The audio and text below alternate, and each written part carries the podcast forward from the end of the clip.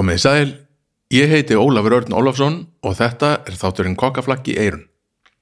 Þessi þáttur er í bóði Ægis Brukkús, þessi þáttur er líka í bóði Vínstúkunar tíu sopa og svo er hann auðvitað framleitur af hljóðkirkjunni.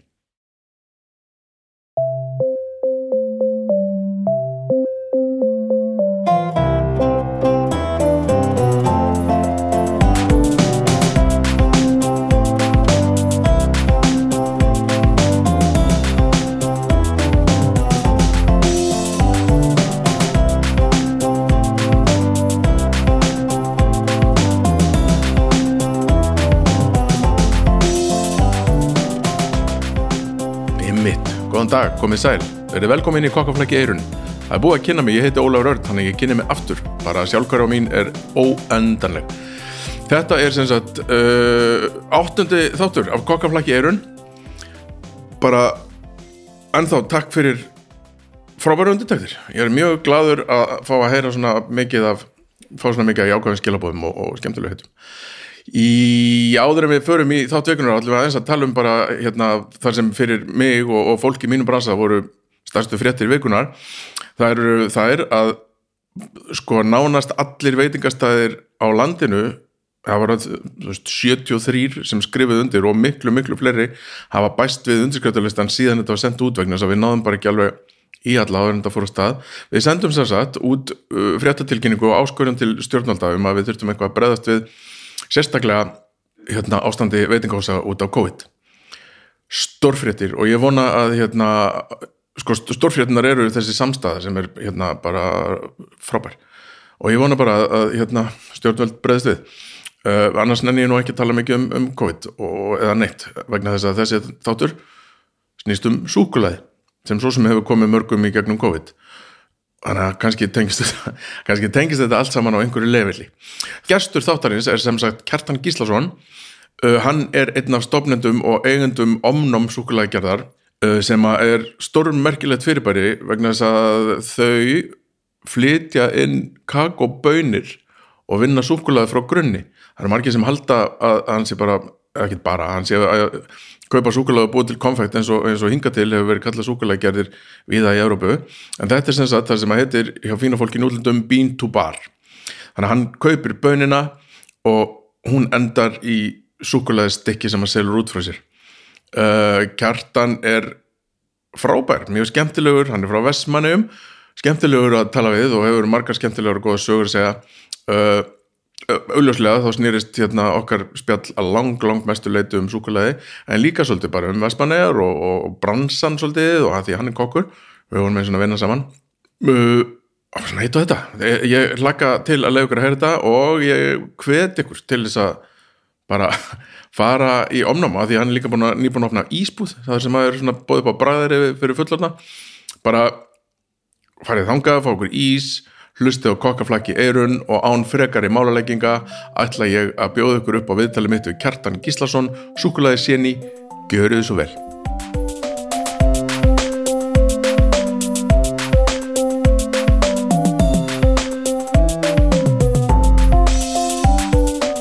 Og ég ætla bara að bjóða um að tala eins nálat magnum eins og getur. Þannig, og þú getur hreftið þetta bara út um allt, sko, það er ekkert þessin. Bara eins og þér líður vel Svona bara, það er ekki flott. Þú vilt kalla þér aftur þá bara tekur þetta með þér og, og svona sko. Bara við raunum að hafa þetta eins hérna afslappað eins og mögulega hugsanlega hægt er. Ok, ég byrjar að taka upp, byrjar að taka upp. Hvað komast þið með með þér? Herri, við komum smá sínuhorna vetrarlínunum. Þá, þessu var ég bara að klára að pakka. Og það er rétt á það. Er þetta jóla, nei já, er þetta jóla konfekt eitthvað?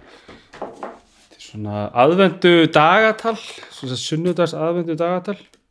Hva, hvað er þetta? Opnar maður svo einn. Já, þú byrjar á bara fyrstu aðvendu og svo ferði í annan og þriðja fjóra nema þú vilji bara kýla á þetta núna og hafa svona smá á kantinum. Nei, ég ætla að þetta er aðvenda smá svona kósi, þetta er svona smá möndlur og nétur og rúsir sem var lágu í stró hann í nokkra mánuði til þess að fá smá svona keimi þær Þannig að það er mismöndi hverju hólfi? Já, heslinnétur, tvær tegundur af möndlum og svo er það rúsininnar Næs þannig að Þetta er skemmtilegt, þetta er ekki dagatal þetta er aðvend, aðvend dagatal. dagatal fyrir fullofna já, algjörlega. Þannig að þú veist allir kallar landsins fá núna hérna bjórdagatalið en þá og svona sko. Ef þeir eru ekki í lostadagatalinu líka. Hvað er það? skilur að sjá það? Nei, það er eitthvað 24 dagar um að losta tipparhingar og buttplugs og ég veit ekki hvað og hvað það er komið alls konar dagatal það er fyrir annað podcast. Mhm. svo er hérna gamla góða og ég er svo borðið alltaf. Ég, það er alveg undir því að komið sko. Ég greið bara svona næsta þetta er hérna ötralínan það er röðminni röð Það er svona. Dark Nibs Raspberry. Og séðu myndina. Já, wow hver er að tekna þetta?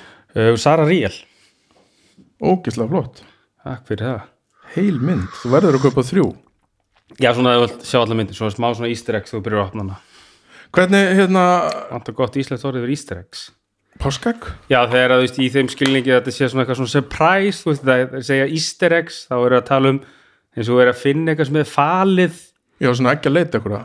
Já, þú veist, þeir segja þetta svona eins og í trailum fyrir bíómynd, þá segja there was an easter egg in the trailer, þá er eitthvað svona dulinn skilabóð eitthvað já, Captain America er lifandi. Veist, það sést í trailurinn Nú, okay.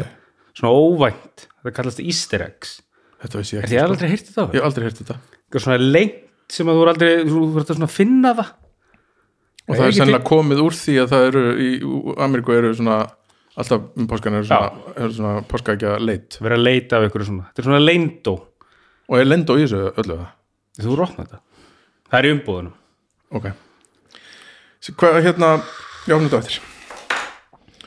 Ég, nei, ég núna láttu vera þessu segðu mér með henni um það hérna, hversu miklu máli skiptir þessi Zac Efron átt þáttur fyrir ykkur?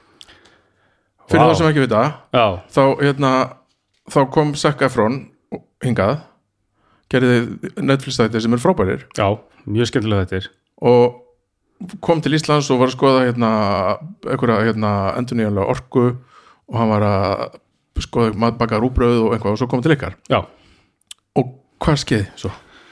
það sem skeiði náttúrulega bara svona ef við kannski lýsi hvað svona undanfæri var þá fengum við náttúrulega bara skilabóð frá framlýslu fyrirtækina þess að það væri að vera að fara að búið þátt á Íslandi með einhver svona A-list celebrity eins og orðaði í mailinu. Ok, ég sé sko. Já. Það er svona mismöndu hvað þeir eru búið í þá sko. Hvað eru verðt á listanum. Já, og við svona já já ok, gaman að því. Bara, það er nú búið að vera mikið um svona alls konar celebrity að koma til Íslands reglulega og taka upp ykkur þætti og svona þannig að við séum bara ekkert mál. Þið eru velkomin að koma í heimsókn og skoða og svo fáurinn ekkert að vita hver þetta er bara fyrir bara nokkur dögum að hann mætti í hús. Og hann mætir hérna ásand með stjórnar sinum Darren Óler hefur mér einhvern heitir. Og þá er það svona aðspú útskýra fyrir koncepti hvað þeir eru að gera. Þeir eru að leita svona þáttur sem eiga að fjalla kannski svona í mér léttari tóni um svona umhverfismál og hvað er þetta að gera betur fyrir plánundin og, og að það er, þeir eru að skóla matvala framlýslu, orku ímislegt annað hann að eða síðasta þætti þá eru að fara um allan heim og pröfa ímislegt svona, hvað ég segja, reyna að opna augu fólks ímsum möguleikur sem þetta er eitthvað svona eftir að maður horfða þátt að fórum að hugsa bara hvernig pössum við inn í þetta? En það kannski kemur inn á þetta matala framlýsluna hvernig við hugsum matala framlýslu í dag. En þannig, þannig virka bara hann kemur og þeir fara og eru mjög áhuga samur um allt sem við erum að búa til eins og við vitum, við erum að búa til súkkulaði beint úr kakobön, þannig að við erum að flytja þær sjálfur inn og erum í miklu díalógi við alla þá bændur og framleiðendur sem er að framleiða þessar kakobönir þannig að það kannski svona passað inn í þetta kriteríu sem þeir voru að vinna eftir. Já, það er þessi, þessi reykjanleiki og, Já, og hérna, hvað heitir það? Fair trade. Fair trade, organic og svo sjálfsögð svona kannski svona vinsalast á, sé, svona tískorð síðustu ára svona sjálfbærni. Það er sem mann versla við einhverja sem stuðlar að sjálfbærni í landbúna eins og kakobændur eru náttúrulega þau eru sko, þeir eru náttúrulega að vinna með ráöfni sem að er rosalega erfitt að hvað ég segja, massprodúsa svona eins og þú myndir kannski gera vín eða epli eða skilur ykkur svona k- klassískan landbúnað, þú veist, þú verður að vera með þetta inn í frumskói og það þarf að vera svona fjölbreytt lífriki í kringum kakotríin til þess að það, það það er ekki hægt að rækta bara kakoböna akkur ekstra Það? Er örugglega alveg hægt í svona theory speaking en, en það, það tæki alveg rosalega tíma og peninga og það væri kannski alveg hægt að gera á eitthvað sniðan hátt en það sem aðgengið að því núna er ódýrt í Afríku til dæmis, það sem að svona magna að kakobönnu kemur, Já. þá hugsa menn bara, heyri, það er ódýrt vinnuðablaðna þetta, við fáum gott ódýrt verð fyrir þetta og við getum massað þetta í ykkur snikkarstykki hérna sko. Já. Við fullir veringu fyrir snikkars og marstykki, en það er náttúrulega bara raunveruleikin að magnið að kakó sem er framleitt í heiminum fer í sælgætis framleyslu og er já, hvað sé ég, það er kílóverðið þar er mun lærra en kílóverðið á kakopinu sem við erum að kaupa. Já, það er þetta klassíski þetta, þetta klassíska að hérna stóri stóra korporatið er að trampa á þeim sem að býr til vörna já, og raun og verðinn og og eru bara svona nánast að nýðast á fólkinu sem er að er að vinna líka kakopinnar þar sem það er koma frá. Já. Þannig að það, það er náttúrulega alveg stór samtal alveg sem er búið í gangi nú svona sístu 20 ára að vekja aðtegla á þessu og aðbúna þeirra sem er að vinna við þetta. Þetta hefur breyst rosalega mikið og sérstaklega sem ég segja svona bara, að maður benda bara kannski á eins og Green and Black sem að margir kannast við að það er svona fyrsta súkulafyrirtæki sem fór að hugsa svolítið svona um þetta og ég vil líka vel nefna á hérna uh, Tony Chocolonely sem er svona markasettur sér rosalega mikið um að uh, nota ekki kakoböinu þar sem er já, stað já. og vilja uppdræta það er þetta amerísk fyrirtæki? Uh, Tony Chocolonely ef maður er hollenskt og Brynir Blacks ef maður rétt byrjaði í Bretlandi það er vísið búið að selja inn í aðra starri samsteipur, vondukallar, Mondelez alltaf svona nestlera saman. Já, en, en það er svona byrjaði á góðum grunni og svona er búin að halda samtalinu gangi lengi og þetta bean to bar samfélag sem að, eins og omnum tilheyrir sem sagt frá bauni bita sem er svona minni súkulega framleiðendur hafa verið með þetta leiðaljósi að afla sér kakoböðina sem að er að koma úr svona meiri sjálfbrótni framleiðslu, Já. so to speak. Og að fólkið sem að býra til fá einhvað fyrir sinn snúð. Nákvæmlega en svo náttúrulega líka ef maður, fyrst, sko, ef maður hugsar ég kannski fyrir svona einu yfir annað þegar bara velkomin í þáttinn úr einu í annað með Óla Óla En það er kannski það sem maður hugsaði náttúrulega upp að þegar við byrjum omnum að það var ekki endilega allt þetta sem ég er búin að tala um sem við höfum að leiðaljósa. Fyrst af fremst vildum við bara hágeða ráefni Já. og bara með bakgrunns og kokkur og maður bara búin að vinna með ráefni og maður vil vita hvað það kemur Já. og maður veit að hvað ég segja, þú, ekki endilega þú borgir meira að fá eitthvað betra en þú kynnir aðeins máli hvaðan þeir að koma hvernig bragð eiginleikanir er í ráefninu eða er eitthvað sem kýtlar bræðlaugara þína þá langar að vinna með það. Svo svona fór maður að kynna sér betur allan aðbúin og svona sögur hvaðan hráum þið var að koma. Þannig að maður byrja kannski á þeim endanu sem maður byrjar oft inn í eldu svona, bara sjá hvað hérna er mér nautalund hvað get ég gert við hennar ekki að spyrja sjálf mig hvað, hvernig líf átti nauti hvernig bóndi er búin að hugsa um dýrin og allt það, bara ég veit ég er með bræðgóða nautalund hérna, nú veit ég hvað ég ætla að gera við hennar og svo hvað rauðvin ég ætla að para við hennar svo passa við allt saman. Þannig að við byrjum á þeim enda og svo sjálfur sér fórum við segi, fórum við aðeins að skoða þetta betur og það var í raun ekki fyrir fjórum ára síðan að við fórum í svona ítalega naflaskoðun og bara fórum að skrásita allt, ráöfnið sem vorum að nota, hvort er rásikur eða kakosmjör eða lakristuft eða hvað annað og bara svona fá svona rekin leikja í allt saman og þetta gerðist með hjálp uh, konu sem hafði unni fyrir Bodyshop í sístu 25 árin. Við áttum, fengum góðan svona fundasessjón með henni þar sem við fórum í gegnum það hvernig maður metur raun og veru hvað ég segja uh, svona metur ekki hættustig, heldur svona metur raun og veru keðjuna frá því tökum sem dæmi bara eins og besta dæmi sem gæti gefa ykkur þessum hráðin sem við erum að nota í omnám er íslensk kúamjólk eða mjólkutöf Já. það er eitthvað sem er bara hér gert á Íslandi og það er þetta að rekja það bara nýri eitthvað bóndabæði hér eða eitthvað hér hér á Íslandi Já. hvaða mjólkin er að koma, það er einfalt að fá svör hjá MS til dæmis hvernig, hvað er að borga fyrir mjólkin og svo framvegis þetta er náttúrulega rosalega einokunarlegt hérna á Íslandi þegar kemur á mjólkinni sko, ekki algjör einokun en mjólkuduft bara getur þú kipta einu stað á Íslandi, það er frá mjólkusamsölunni því það er prósess að það er að vinna mjólkina til þess að verður í duft. Þannig að hún sagði að það er til dæmis gott dæmi um það, þið vitir rauninu veru allt um það. Hvaðan það kemur Já. og að bóndin hvað verð fyrir bóndans? Nákvæmlega, og því gá, hún var bara með svona kvarða, einn er bara raukt, það er vond, tíu er toppmál, þannig að bara hvar allir setja íslensku mjölkina, bara strax nýju, þess er tíu sko, við vitum nákvæmlega að það er engin hætta að, að, það komið eitthvað einu upp og við erum með fullan reikilegja, við erum með svörin og reyðum höndum og okkur vantar, Já, já.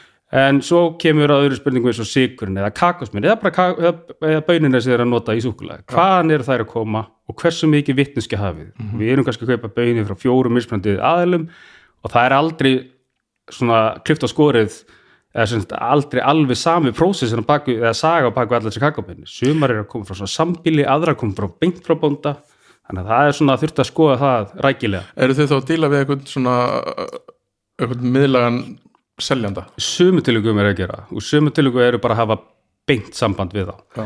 til að við tökum til dæmi svo Madagaskar. Það kemur frá einu bíli einn eigandi og hann er með allt sitt starfsfólk þar sem að bara frá því að taka nú kakoböninu á trjánum gerja þær og, og shipa þær það er allt undir einum hatti Já.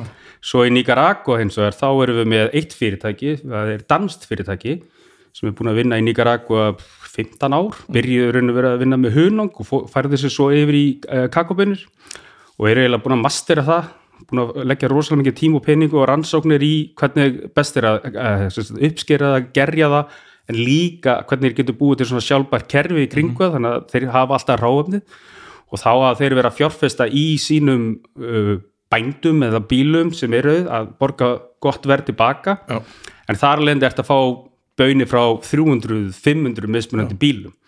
En undir einum hatti. Já, sem að þeir svo pa- eru með einhver Já. gæðkerfi og, og, og svo flokka þeir þeim niður eftir hérum ég get panta á þeim eftir mismöndi hérum hvað ég er að fá, ég get líka panta mismöndi gerjani frá þeim sem er alveg magnað. Það er ein kakoböun er þetta gerjan á svo marga vegu sem er algjör annar svona nördaháttur Ok, já, í kakóinu förum, aðeins setna í nördaháttin í kakóinu með bara prósessin pr- klárum, sko, að því það sem vekur vakti svo að því það er allt í það er allt í, í hershöndum út af þessu COVID út um allan heim. Einmitt, og allir bara meira og menna ykkur rugli.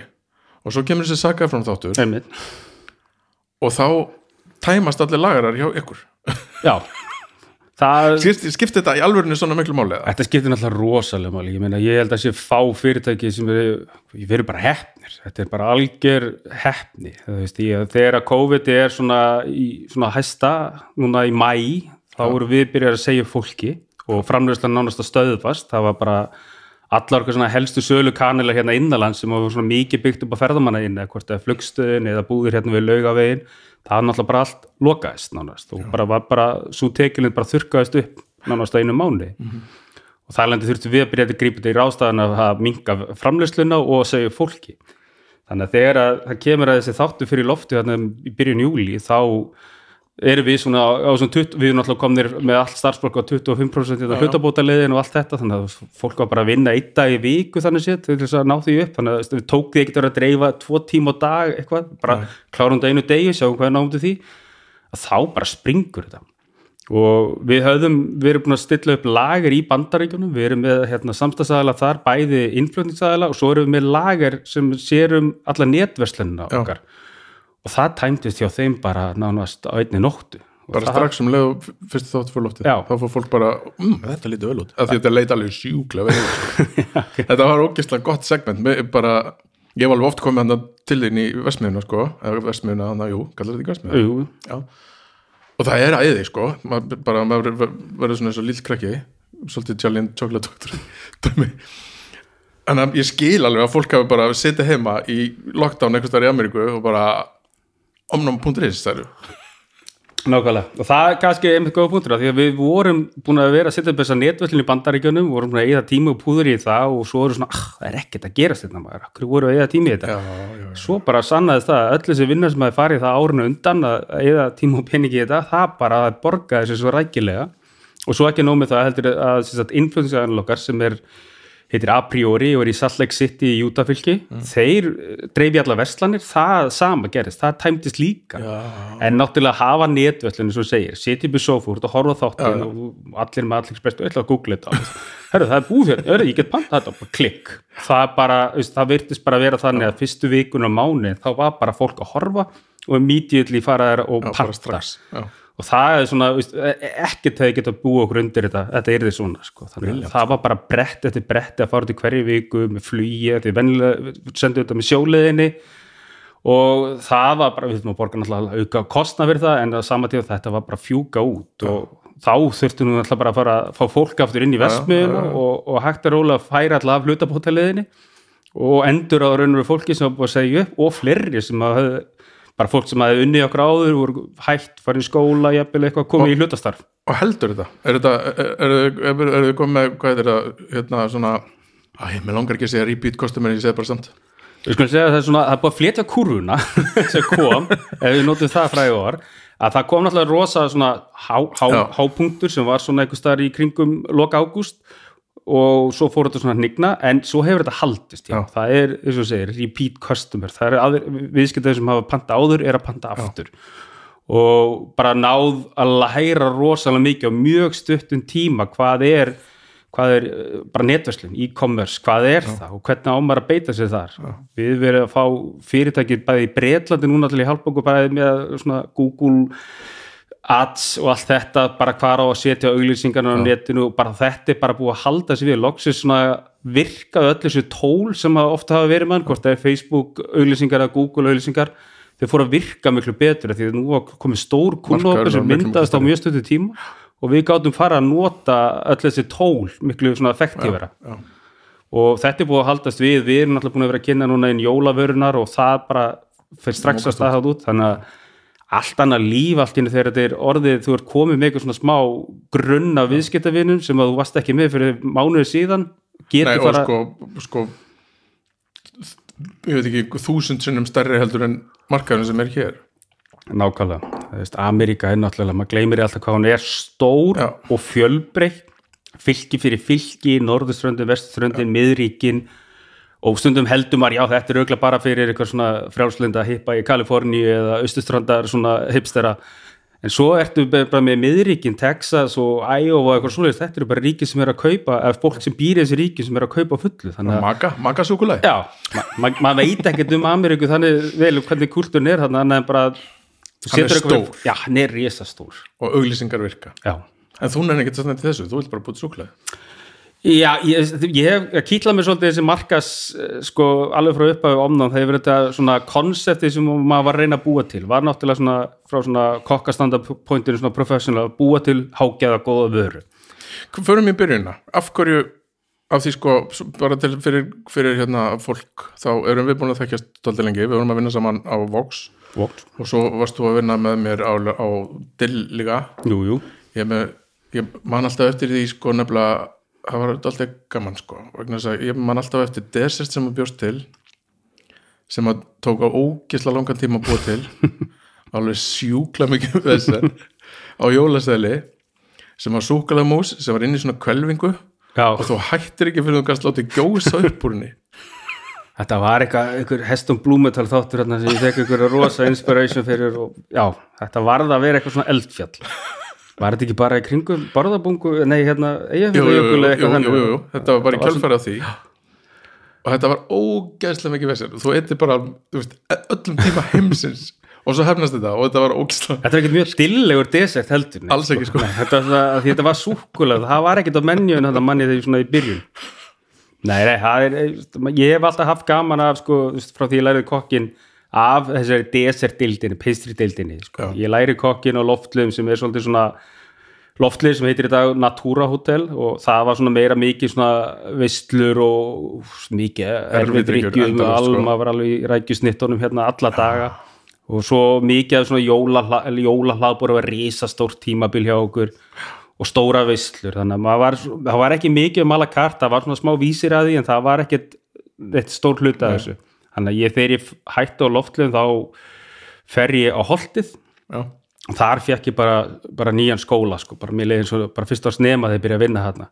Þetta náttúrulega var, holtið þá var svona við einna aðal stöðunum í bænum þá og, hvernig var þetta? þetta var árið 2000 þetta var það, Raggi Ómars var hérna yfirkokkur og fullt af flottu strákunum Friðgeir og hérna og þetta var bara geggja að koma hann inn hlutirinn sem voru að gera maður var bara wow, klassist franskt klassíst franskt en með smá svona nútíma hérna væðingun, það var svona voru komið sér skandinaviska áhrif og svona smá miðjarhasa áhrif en þetta var svona í grunninn klassíska franska eldúsið og það er náttúrulega allt verið að gera grunni. Það var, þeir voru að gera sex svoð þarna, eins og engi gerir svoðu lengur í dag og þetta var rosalega vinna svo lögð í allt og maður fekk alveg þvílíkan skóla. Og ég fylgdi eftir með að fara út til Luxemburg að vinna með hérna Lefu, með Leo Lindster og Hákonni, Hákonni Már og hérna, Akka Sverris sem var svona bara flottur framhaldsskóli að því að það hafi verið á holtinu því þá var maður komin í ennþá meira svona klassíska fransk. Já. en hráefnið sem vorum að fá þar inn það var náttúrulega svo geggja sko. við vorum að fara á laugatum og markað hérna bara hinum við landamærin við Luxemburg Luxemburg er náttúrulega bara lítið frímerki í Evrópu. og þú ert bara klukkutíma að keira í gegnum all landið þannig að skjóta sér til Fraklands það var nú bara þegar maður þurfti að fara út í búð sko, þá var maður komið til Fraklands en það var að fara á markaðin hann og laugatum, við erum mættir eldsnemma einn espresso, eitt croissant og svo var labbaðum og það var bara einn gæi og hann var bara mætiðsla það var eina sem hann með, hann var bara að selja rætiðsla aldrei síðan minni, Nei. eða unni með. Alveg hella pilla ætiðsla ég veit ekki hvort þú nokkuð að ég prófa. sko. Ég er- hef nefnilega bara, þá er ekki með latis hanska bæði þegar það var gert með höndunum og allir svona í litlum sárum eftir það bara smá sjátátt að því að þetta tala um markaði ég var á markaði núna áðan. Já, Östurland Food Corp. Já, eru með hérna frábært græmiti ok. Og þar á meðal ferska eitthvað ferska ætiðisla já, ég get svolítið og ég laka til að bila á. Þetta, er- það er skemmtileg tróð og svo náttúrulega bara allt annað sem voru með það var alltaf svona rótissir í kjúklingur á markaðunum og já, hann var bara keiptu til þess að eiga setna með svona eftir vakt en það var náttúrulega mikill skóli að upplega þetta veist, að vera að vinna með miklu feskara hráefni og bara þú færið alltaf í svona tilfinningu sem kokkur, Já. þú kemst í nándi svona bara alveg þú færið ekkert hérna á Íslandi sko. Veist, það var gæja komið nýskotin hér að það voru komið ykkur rústinski mafjósar með kaviar og þetta og fóigraði náttúrulega hérna andalifurinn. Endalaust. pökkuðin í hérna smjörpappír aldrei frosinn og svo bara unnið strax maður var eins og skurrlæknir að læra að taka allar æðanar úr fókraðinu sko. Maður notaði bara endan á skeiðinu og skófana svona hægt og róla en máttur aldrei missa lögun á henni. Nei, að því svo var hann stekt bara já, eða böku svona í terrin formi. Já. og svo sundaðinu var steikt líka sko en þetta, eins og ég segi, þar líka voru að vinna, var hérna fransku pastrychef og hann var að gera allra grunni. Súflin og magdalenur, brauðin súrdeisbrauð, þegar þeir hétt ekki súrdeisbrauð. Það hét bara brauð. Það hét bara brauð, en bara það bræði bara eitthvað miklu betur, maður heilt bara þetta var eitthvað fransbrauð þannig að ég hef alltaf he, svona dreigist í játtina því að svona desertar eru eitthvað svona sem er hvað ég segi, ég ætla ekki að segja kvenlegri en það er klálegri eitthvað svona fínlegri vinnu sko, ef ég segi maður svona eldamennska sé svona karlæri og sér kvenlegri eitthvað, þá meina ég svona það er eitthvað svona meiri fínni vinna þú þarft að vera agari, þú þarft að vera snirtilegur og bara, já og halda kúlunni sko, annan hátt. Það er samt svo áhugavert að pæli sko að því kultúrin í eldhúsum hann er hún sem betur að breytast, ég er að tala um þetta en kultúrin í eldhúsum er svona hérna rosa gaura kultúr sko og samt er, þú veist, í þessum fændæning bransa er allt svo finnlegt og dullulegt og krútlegt. Og svo er allir bara tattuherðar og bara hérna með eitthvað svona stæla. Það er eitthvað svona, er svona fangelsismentality að menn þurfa að vera með flestu tattúinni og, og eitthvað svona þetta er Svo svolítið að breytast undir, en- fer sko. Þetta hefur auðvitað mjög mikið breyst allavega myndi ég segja á síðustu tíu árum og líka fleiri konur sem bara eru komnar í eldhús sem var þá sko. Já. Já, þannig að þú hefur dreigist að þessu og, og hvað er það? Er það þessi finn, finnlegheit? Er það sigurinn eða hvað, hvað er það? Já, kannski hvað ég segja, það er svona öðru þessu undirbúningsvinna þetta er tekur oft tí, meiri tíma að sjá svona final result af því sem maður er að gera, hvort þetta frista ís eða Já. bakka ykkur á köku, býja þetta um kólni og þú getur sett eitthvað á hana Já, og eitthvað svona meiri þú ert að vinna eftir uppskriftin þú þú ert að vinna í eldhúsi, þú sjaldan þarftu uppskrift. Þú ert svona jú, þú ert með svona feelingur, sko. já, nákvæmlega, en í desert þá þarf að vinna eftir það það, smakkar ekki til. nei maður getur svona að haga sér eins og kokkur í desertu, en það endar aldrei vel. En það, það er betra að fylgja uppskriftinu og svo bara byrja aftur upp á nýtt. Þannig að þú þarf að vera þólumæður þólumæður fyrir henni. Og það eru reglur hérna, þú veist, þetta er ekki skítamix sem getur reddað hérna, þú verður bara að fylgja reglunum hana og það er eitthvað, ég veit ekki, Já, þú þarfst að mæla hitan á sigurinn. þetta kannski hendaði mér að því ég er svona stundum með ADHD og vill fara út fyrir ramman en þarna svona er ég agaður til þess að fylgja reglunum og það er svona er skemmtilegra svona útkoma eftir það Já. og súkulaði raun og verið þegar ég fer svona að kemja því það af hverju súkulaði var þá svona eitthvað sem ég langaði að fara að prófa með áfram með var svona raun og verið bara svona sem áskorun þetta því ég leita að því að súkulaði er náttúrulega tilbúin afurð eftir langa vinnu. Það er sérst allt frá því að þetta er bara kakó ávöxtur bönir inn í ávöxtunum það þarf að gerja þær, það þarf að þurka þær það þarf að rista þær, mala þær blanda þeim saman við sigri eða mjólkutifti hvað sem þú ert að fara að gera og þá ertu komið með súkulega og svo getur þú fara að vinna með súkulega til að búið til súkulega mús eða köku eða svo framvegis eða konfekt. En öll svo vinna áður um ferðar loksins að vinna með það það er eitthvað sem heitlaði mig. Þetta er bara Þetta er, þetta er eins og vínið, þetta er eins og bjórin það, það er eitthvað svona grunnvinna sem þarf komið ykkur hráafni áður og getur fara að nota það Já, en nema öfugt við vínið og bjórin er að þú, þegar það er tilbúið þá drekkur það. Já, þú getur, þú getur alltaf borða súkulega þegar það er tilbúið en þú vilt kannski, kannski vant að segja ég ætla að búið til rauðvin svo getur búið til rauðvin sósu en, en skilur það er þetta Já. svona, það er grunnur sem áður þú fer svo að vinna eitthvað með Já. en eins og þú segir já, þú getur bara að byrja að borða það strax Ég ætla að gera loksins núna. og komur í eitt þarna Ó, nei. Þetta er, Þetta er gott, þetta er svona frúti. já, þetta er, þetta ertu með hérna dögt súkulaði unnið úr Madagaskar kakoböninni og Madagaskar kakoböninni er með það raunir skiptir ekki máli hvað framlegandi er að nota hana, það kemur alltaf þetta svona ávasta bragð úr henni sem er svona mjög berjalegt, rauðber kissuber, hinnber og svo er alltaf eitthvað svona nettur svona sítrus síra raunir í bragðinu þú færði þetta, þetta er sérstaklega fyndið þegar maður tekur kakaböðina og er að fara nýbúin að rista hana og byrjar að mala hana og þú stendur yfir svona mölunapottun, þetta er svona vél með granitjólun sem er að þreskjarinu niður kakónibbunar og þá gís upp þessi síru lykt sem maður mætti bara líka við eins og er að sjóða balsami get ekki potti. ok. það bara, þú nánast verið að tárast. Og þetta er hluti bara sem er, að- hefur gæst í gerjunu, bara sírustíði hefur hækkað svo mikið í bauninni og hún er svona, að- við erum að vapp hvað, hvað er gott og íslensk orðið fyrir, við erum svona að loftana úr baunin, svona vappureitana Já, já, sjóða. ekki sjóðana, við, að því að við erum að mala hana þá er hún svona bara að gjósa upp Já, já, já. og með tímanu þá minkar hún, hún verður ekki svona sterk eins og hún í byrjun, ef ég myndi bara láta þið fá súkulaði sem ég væri bara búin að vinna í fjóra tíma, það væri svo gallsúrt að þú geti ekki í þetta Já, ok. allavega með Madagaskarbunna þannig að þegar við erum búin að keira hana í svona 48 tíma þá er komið svona mildra bragð það er ennþá þetta sítrus svona balsamik etik bragð af henni en það er minn svona vægar og svona meira svona sölla undir þannig að þetta, þetta er svona kakobunni sem bara kveikt í mér fyrst bara að hugsa það bara, wow, dögt súkulega, Ok. ekki bara dögt súkulega Sko, förum að tilbaka, þú ert eiginlega verri en ég, ég fíla þetta, þetta er skemmtilegt. Við veitum, ég veit svo, hvað við er erum, sko. það er svo gott að þú, þú getur dreigið tilbaka svo allt þess Já, en ég er ekkert góður í því, sko.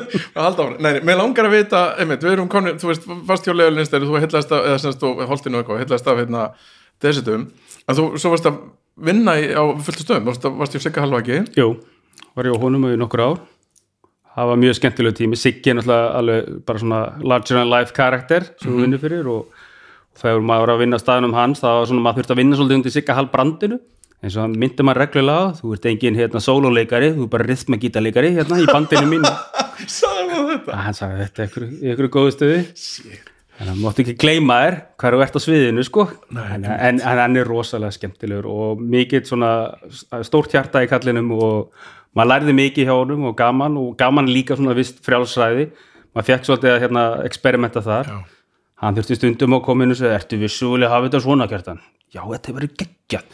Nei, hann vildi halda svolítið í klassikina Já, já, já, sko en, en, en hann leiði mann, hann gaf mann smá svona slaka í reypið En þið voru þannig að þetta er flott heima þarna á þessum tíma, hérna, Jú, þetta var Eithor hérna, Rúnars, var yfir kokkur hérna á sínum tíma og svo var ég og Leó og- Atli hérna sem, er komið til Oslo já, með, að var með Pjoltigast, núna með Köllu Mhm. Arnar líka hérna strákur sem er annar sem er komið til Oslo hérna yfir kokkur á Brutus. Gunni Kalli, hann var hérna akkurat bara nokkrum árum undan mér. Þannig að þetta er hann var hann á nokkra góða stráka hérna Og svo, svo fórstu á, á hérna, komstu á, við á, á Vox og, og eitthvað. Vox, jú, einmitt þegar það var að byrja. Það var rosa skemmtilegt æfintýri glæsilegt hótel og, og eftir hérna breytingarnar á esjunni og svo náttúrulega bara veitingastæðinu alveg geggjaður manni það var engu til sparað. Það var annað líka svona geggið teimi, sko. Þar voru einmitt, já, Siggi Gíslá einmitt Gunni Kalli líka. Háka og, Hákorn þá voru, voru þeir strákar einmitt nýbúin að vera held ég einhverju námskeiði í Fraklandi held ég svona Valróna námskeiði. Og voru að koma tilbaka fyrir desertseilin með fullt af nýjum svona hugmyndum. Og allt mjög flottir desert sem voru að gera. Og það er mitt að maður kastaði í þá deild og ég manni, það er svona, ég held myndi að segja að, að því vorum að gera rosalega svona mikla vinnu í desetrana þar, það var svona mannið svona góðu vísir að þetta var eitthvað sem ég myndi langa til þess að gera meira. Það var í fyrsta skipti sem að ég sá Íslandi súkulæði svona spreyjað utan á. Já, og svona rosa flott utanum, svo voru að nota súkulega frá Sátómi og voru með svona sletta nöfnunum á matseilin hvaðan súkulega var að komið sem var nú ekkert rosalega trendið þá en þetta svona byrjaði þá og vera svona með svona neymdroppa hvað þetta var að koma. Sátómi, hvað er það? Þetta er einhver lítill eigaklasse hérna í Atlashafi En þú er alltaf verið svona ég hef sagt og þú sétt sennilega mest lesni kokkur mest, í alveg er það ekki réttið mér að þú, þú bara ert nördast endalust í að lesa internetið og maturslurbækur og, og það er allavega svona upplifun sem ég hef ég, Nanna Röggvar slítur nú að eiga þann titil sko. að engin Já, hún er ekki kokkur, sko. hún er ekki kokkur, ja, er, er hún ekki kokkur það er nú svona hún var í vitali hjá mér um daginn og hún sagði ég er engin kokkur Nei, hún er alltaf vel lesin ég hef nú haft heiðurinn að sitja í matabóð með henni nokkur og það er rosalega gaman að tala við hann sko. það er sko. það er bara að fá þessi vita en jú, ég hef rosalega gaman af bara maturslubókum og á gott sapna þeim og, og náttúrulega þegar internetið svona sprakk og YouTube kom til sögunum og maður gæti fara að lesa og sjá allar þessar veitingastæðir sem maður svona hafði bara lesið um eða heyrta þá breytist það algjörlega fyrir manni. Og svo náttúrulega erum við bara líka myndið að segja Amazon hafi breytist þessu fyrir manni að maður gæti fara að patta allar þær bækur sem maður langað í og bara fá þar strax í staðan fyrir að vera að fara inn í Eymundsson eh, mál og menningu og bara sjá hvað er til það er, það sem ég elska best er náttúrulega mest er að lesa svona aðferða fræðina, það er ekki endilega einhverju uskriti sem ég er að leita, það er bara svona læra einhverja nýja tækni. Já, frá einhverja einhver ensbú einhver Já, og svona gaman að rýna svolítið í það. Og alltaf skemmtilegt líka þegar einhverju kokkar er að segja sögu hvernig þessi réttu var til, hvaðan innblásturum kom og, og svo hvernig tækni þeir beittu við þetta. Það er ekki svo langt síðan við vorum svolítið svona húgt á alls konar tækni versus gæðin í matnum, það voru allir að setja gel og fróður í hitt og þetta því að lúkkaði svo vel. Já. það það er oft gest hérna í veitingasöguna við bara hillast einhverju tækni svo gleymum við svona, en er þetta gott? Já, ég sagði alltaf að þetta fór sér töðunar á mörgum eftir þegar allir voru konum með einhver gel og fróður og duft og eitthvað. Og ég fatt alveg að það var farið í töðunar fólki að því að oft skiptir þetta engum máli sko. En svo þegar þetta er gert rétt þá getur þetta skipt nefnilega miklu máli sko. nákvæmlega eða skilja við skilja þess að tæknina aðferðafræði aðferðina bara Já, af hverju þú nota já, hana? og nýta hana rétt, þá verður hún skemmtileg Já, af hverju setur þessa sósu í hérna svona freðandi form? já, þetta er Það svona er ekki bara, að, bara lítið vel út maður er að vera að fá hérna eitthvað desert og þó- svo allt í nýtt kemur eitthvað skál á frostnum berjum í nýtrogenu sem er búið að hakka niður og svo er skellt á diskin og það gís alltaf diskinu frábært, svo þiðnar þetta og þetta er bara frostin bræðileg spyr Já, og ekki gott. en ógstlega gaman, gaman að sjá sjóið sko. Tala um ekki nýtrogenu en já, svona rýn í bækur og lesa, þetta er, maður er svona pínu sjálflærður og sama með súkulega, það er við bara það var Google, það kom vel við sögu þar að finna bara út hvernig á að búið til súkulega, það var bara engi bók til um það þannig að þá þurfti ég bara að fara að leita og leita á netinu hvað það lítur að búin að gera súkulega og þá fann ég einmitt að vefsið hjá manni sem heitir John Nancy sem býr í Eugene, Oregon. Og hann er svona súkulega hann byrjaði sem svona kaffinörd og er svona að skrifa blogg um kaffiristun og alls konar kaffibönir og svo fer hann eitthvað svona spá í súkulega mm. og hvort maður getur verið að búa til heima hjá sér. Og hann er svona En af hverju, já, bara af hverju þetta er þetta í hug? Eða skilur, hvernig, hvernig leiti þetta þið þangað? Það var raun og verið en bytt þegar ég Gunni Kalli og Eithor Rúnars vorum í ferð með Sigga Hall í New York Já. og fórum hann James Beardhouse að elda eitthvað svona íslenska mat og hann reddaði okkur svo reservation á Perse veitingastannars Thomas Keller Já, og hann eins og hann er, hann ringi bara This is Siggi Hall, my chefs are coming tomorrow you have to have a table og bara, hann spyr náttúrulega um Keller fyrst en hann var ekki við en hann reddar okkur borðið þarna og þetta er uh, fjagra klukkutíma hátegisverður alveg ykkur 20 réttir og í desert komi þrýra eða fjóri desert fyrir utan konfektið og það var einn spes súkulega desert og, og þjóttin er að kynna desertin og hann segir þetta súkulega búið til Brooklyn og af massbræðir honum ég bara, hva, hvað er það? Já. Já, það eru hérna tveir bræður sem er að gera svona bean to bar og ég er að heyra allir þessu hugtök í fyrsta skipti og þeir eru með litla súkulega versmiði þarna og ég bara litla, hvað minnar?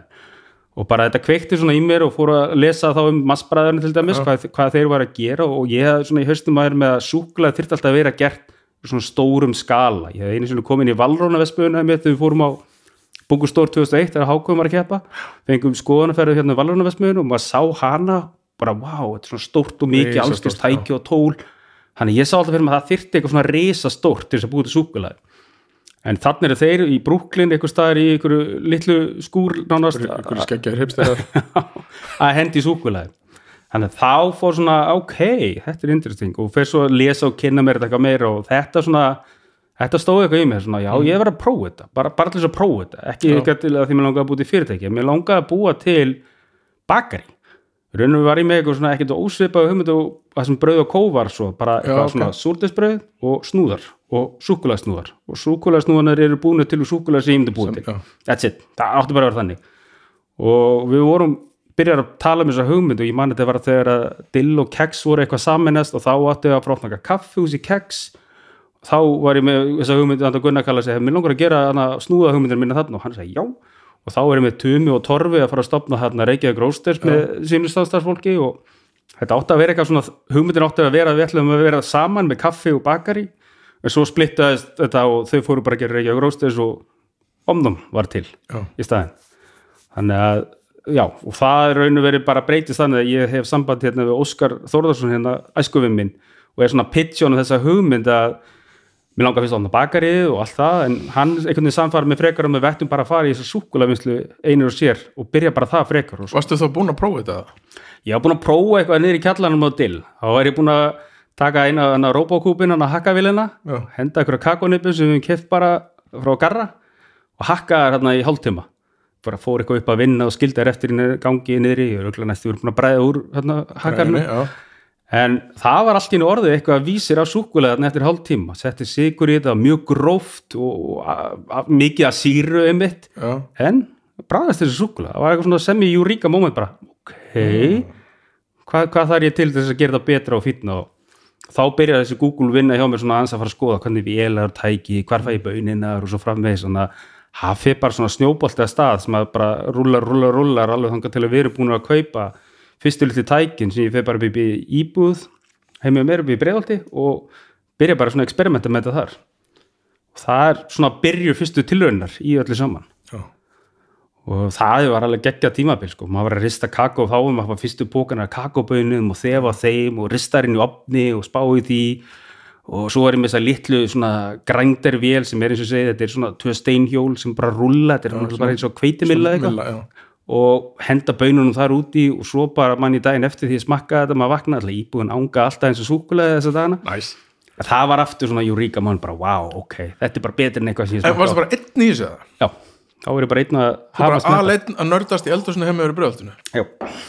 Og svo er ég alltaf að pilla bönina sjálfur því ég var ekki búin að fá vélina sem að affíði böninar, þannig að hafa bara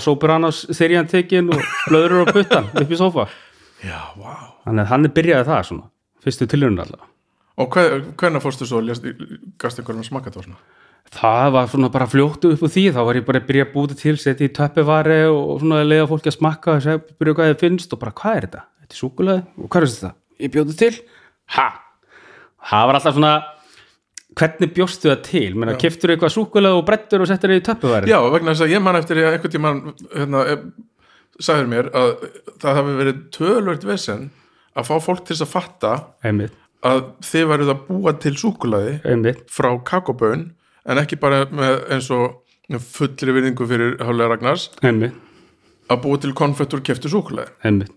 Og það, það er einmitt, ég fekk þessa samlingu mjög oft, eða spurninga, hvað minn er þetta búið til súkulega eins og Hafli? Já. Nei, sko, Hafli, hann er peistirsef, hann er að búa til konfekt, hann er að gera svona, hann er ekki að búa til súkulega sjálf. Jú, jú, hann er að búa til og alls gerir svillingar. Þannig að það var þetta orð, búa til súkulega eða búa til aðverður úr súkulega sem að þurfti alltaf einhvern veginn svona að vera að greina á milli Já, og láta fólk skilja. Og svo bara líka þá kemur alltaf svona follow-up spurningin, en af hverju? Já. Er ekki hægt að kaupa þetta? mjög góð spurning, af hverju þannig að það er bara já, því bara, mér langaði til þess mér langaði að sjá hvort ég geti gert þetta þannig að það, þetta var eins og þetta var svona meiri eitthvað svona persónlega áskorun meir en að alltaf fara eitthvað business með þetta Já. eða jú, nota á snúðana Já. Sem er ekki ennþá En komið var það einhvern tímann, var það einhverjum tímapunkti sem þú hugsaðir, holy shit, ég get gert það betur. Ég get búið til betra súkulaði heldur en ég get keft hjá Valróna ég, eh, kannski ekki betur en ég var svona að hugsa bara hvað, hvernig væri þetta komið þá svona selja þetta, gera þá vöru úr þessu? Og það var svona, þá var maður að horfa á þess að bíndu bara fyrirtæki, þessi litlu bara, bíndu bara fyrirtæki, sérstaklega í bandaríkjum þar sem var byrjuð svona, uh, svona smá samfélag að þróast og lítil fyrirtæki að poppu og maður byrja að kaupa súkulega þeirra á netinu og smakka og maður fann líka bara, wow, hvað þetta eru geðveik súkulega og þá kom þetta ok, það væri gaman að kannski prófa að búta til sem vöru Já. Og svona uh, hugmyndi þá eins og nafninu það var bara svona mínu joke vinnu heiti eitthvað, eitthvað, eitthvað svona internet meme om nam nam Já. sem ég sá ekki þar og notaði bara það að skrifa hann á blað og bara ok, þetta er nafnið, Já, er vinnu heiti og svo var hann hérna André Vísas vinnu minn hérna og suður afskur hönnur sem að við höfum oft talað um kannski að gera eitthvað svona saman e- eitthvað verkefni. Og ég vissi að hann væri ótrúlega fær og skemmtilegur hérna grafiskur hönnur. Ég sendi honum þessar hugmyndir sem ég er með og honum, sagði honum nafnið og þetta er það sem ég er alltaf að gera og hann er í Suður Afrika á þessum tíma og, og hann, er, hann býr hérna á Íslandi og Suður Afrika til skiptis og hann sendi mér nokkur svona mock-up ideas Já. af umbúðum. Og hann er búin að vera með í, í frá uppáfið ekki? Hann var með frá uppæði til uh, 2016 Já, ok, og þá raun og verið hérna fer svona hugmyndin að taka á sér mynd skilur, ég er með bara eitthvað í töpöðurdollu en nú er ég komið með eitthvað að fjóri blað hérna sko, setja þetta saman þannig að þá förum við svona aðeins að leggja drauga þessu ég óskar að búa bara til fyrirtæki í kringum þetta og ég vil fara að framlega þetta. Og svona það tekur svona nýju mánuði raunum frá svona meðgöngu tímbil þannig til að við erum komið fyrstu vöruna í Reykjavík Roasters búin að fullkomna þá umbúinu og fara í nokkur sinni kringum það, eru komið hérna plássut að selja henni þessi Bensínstöð, bensinstöð, þar sem að hafi verið áður eh, lítið bakari sem hétt Ressotertur og já, það var einhver eitt bakari hérna, hann bakaði þessar klassísku rjómatertur sem hann kallaði Ressotertur Bara það? Já, hann var bara að selja þær. Geðveikt. Selja Af vín, hverju er það ekki til lengur? hann, hann, já, við keftum Hvað er þú þá ekki að gera? Við eigum tæknilega séð hérna uh, trúverumerki Ressotertur og já, við keftum raunum fyrirtækjans til þess að komast inn í Já, inn í inn í Seltjarnis og þarna er komin hérna Karl Viggo konditor með okkur í lið. Þannig að við erum fjórir saman sem byrjum þarna þegar þetta fyrir að rúlla og erum svo bara að vinna þarna kvöld og helgar temprand á borðunum og já, þetta er svona hægt og rólega. Erum við komið fimm bræðtegundur sem við erum sáttið með að byrja með sem voru þá tvær dökkar sem voru Madagaskar og Papua New Guinea ríkta súkulega svo kalla eitt dögt mjölkusúkulega með svona pínu brendu sigri mjölkusúkulega úr Madagaskarböninu og Dirty Blonde sem var hvítt súkulega með brendum sigri inn í. Já, shit, já, og gott það var skemmtilegt En sko, hvað er, hversu mikið af mistökum gerðu? Hversu mikið þurftu að henda? Hver er hérna svona prósentir, prósessin? Ég held að það er kannski skemmtilegstu mistöki voru þegar að litla hérna grændirvélin uh, byrjaði svona að vobla og hún var skilin eftir í gangi við nótt á Seltjarnesi og hún voblar og voblar þannig að hún hendur sér fram að borðinu og við komum í vinnun og það er svona Dexter moment þegar við lítum inn og það bara splattir á súkulega út um allavega veggi þannig við teipuðum hennar við borðið eftir það það er einn skemmtilegstu mistökin en uh, henda svona tegundir sem við búið til að kannski, ég myndi segja við hefum aldrei búið til vond súkulaði per se en við hefum sett vonda hluti ofan á súkulaði Já, ok. Það, það er nokkur svona skipt um það. En jú, það er, það er alveg Þið náðu alveg tökum, það, það er kannski það sem ég spyrir, þið náðu bara strax tökum á því að búa til Þú veist, er þetta, hversu mikið nákvæmsvinn er þetta? Þetta er raun og veru auðveldar eins og ég sé oft bara að baka jólaköku. Þetta er, þú ert að setja hráfni saman og þú ert bara að blanda raun og veru saman þegar þú ert búin að rista, þú ert búin að afhýða og ert komið kakonipunir í hendunar og getur fara að mala þær þá ertu að byrja að koma í grunninn. Þú bætir svo sigri við það, þá ertu raun og komið dögt súkulaði þannig að svo viltu fara að leika með mjölkusúkulega þá þarf að setja mjölkundist úti en þá setja aðeins meiri kakofittu úti líka. Þannig að það er svona smá svona tæknileg atriði varandi hvað mikið magna þessu versus magna þessu uh, svo raun og veru bara jú, jú, svo, jú, jú, mistök ég skulle segja Dirty Blonde okkur það er ekki framleitt lengur af því að við notum sigur sem erum búin að brúna. Já, og brúnaður sigur sem er hún karmlæsir er, hvað heitir það íslensku hann dregur rosalega mikið í sér raka. Hann dregur í sér raka sko, þú, þetta er svo púðusikur skilu ef þú hérna, setur ekki brauð með púðusikurinu þá harnar hann. Það, já, það henni gerist með brúnaðan sigur og það sem fór að gerast hann fór að harna inn í vélunum tempurinn á vélunum alls þar Já. myndaði svona sigurhúð í kringum þetta svona játstykkin þar, svona, svona snúningselement. Já, og þá fór að heyrast allskis ískus og læti og maður þurfti að fara að taka allt í sundur og þrývita og endanum gáðust upp á og svo tóku það bara úr framræslu og því við raunum vissum ekkert hvernig við áttum að búa það til öðru þessi Nei. en með brúna sigurinn svo í dag er ég komið með súkulega sem heitir Cecil Toffee sem er raunum verið Dirty Blonde nema ég gera það svolítið öðruvís í staðin ég hérna, baka mjólkuduft í staðin fyrir sigurinn þannig að þá fæ ég brúnaða svona karmelukeimin Já. og ég fæ ekki þetta raka vandamál sem að, veist, að harnar allt. En er svona nokkuð neginn líkt í það sem það var. En þetta er allt saman bara learn, learn by doing. Já, og ég meina við höfum breytt uppskriftum frá því að það voru fyrst. Ég meina við smakkar súkulega sem við gerum bara 2013 versus hvernig það er gert í dag það er alveg búið að gjör breyta maður er búin að læra á leiðinni og það er líka verið að breyta um vélar og framlösla aðferð þannig að maður reynir að haldi í en svona hvernig bragðið var en það verður einhvern veginn aldrei nákvæmlega eins. Er, eh, sérstaklega með dökkusúkulegin með mjölkursúkulegin er annar mál það er svona minna það eru meira svona konsistent í bragði en dökkursúkulegin rokkar svolítið í Just, ég finna alveg að súk er þetta eins og árgangur í vínum með það já og þetta er aðalega samt bara fitan sem er að taka í sig einhvern veginn öðru þessi bragð og líka eftir, hvað, eftir því sem verða eldri. Það er samt fyndið að bræða súkulega því við eigum svona þessu kvöldum tímavélina sem er bara svona stór plastkassi af gömlu súkulegstykkjum sem við uh, tökum alltaf úr hverju batsi úr geimum og svo bara smökkum við kannski setna og bara að sjá það fyndið samt hvað þau halda samt bræðinu Er það? Ég alveg um set- já já.